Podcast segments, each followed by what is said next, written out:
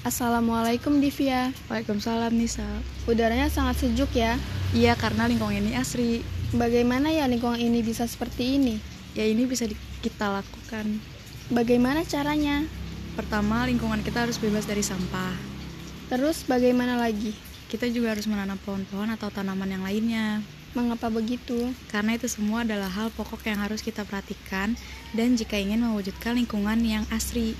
Oh, begitu. Apa ada cara yang lain lagi? Cara mewujudkan lingkungan asri itu banyak. Salah satunya adalah kita harus mengurangi polusi dan pencemaran. Hmm, contoh pencemaran apa ya? Pencemaran ada banyak, misalnya pencemaran udara karena polusi yang disebabkan oleh kendaraan atau pabrik. Selain itu, Pencemaran air akibat pembuangan limbah sembarangan. oh, berarti itu semua adalah sebab jika kita tidak menjaga lingkungan ya.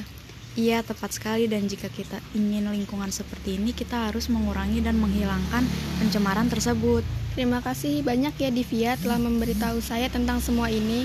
Ya, Iya, dengan senang hati. Assalamualaikum. Waalaikumsalam.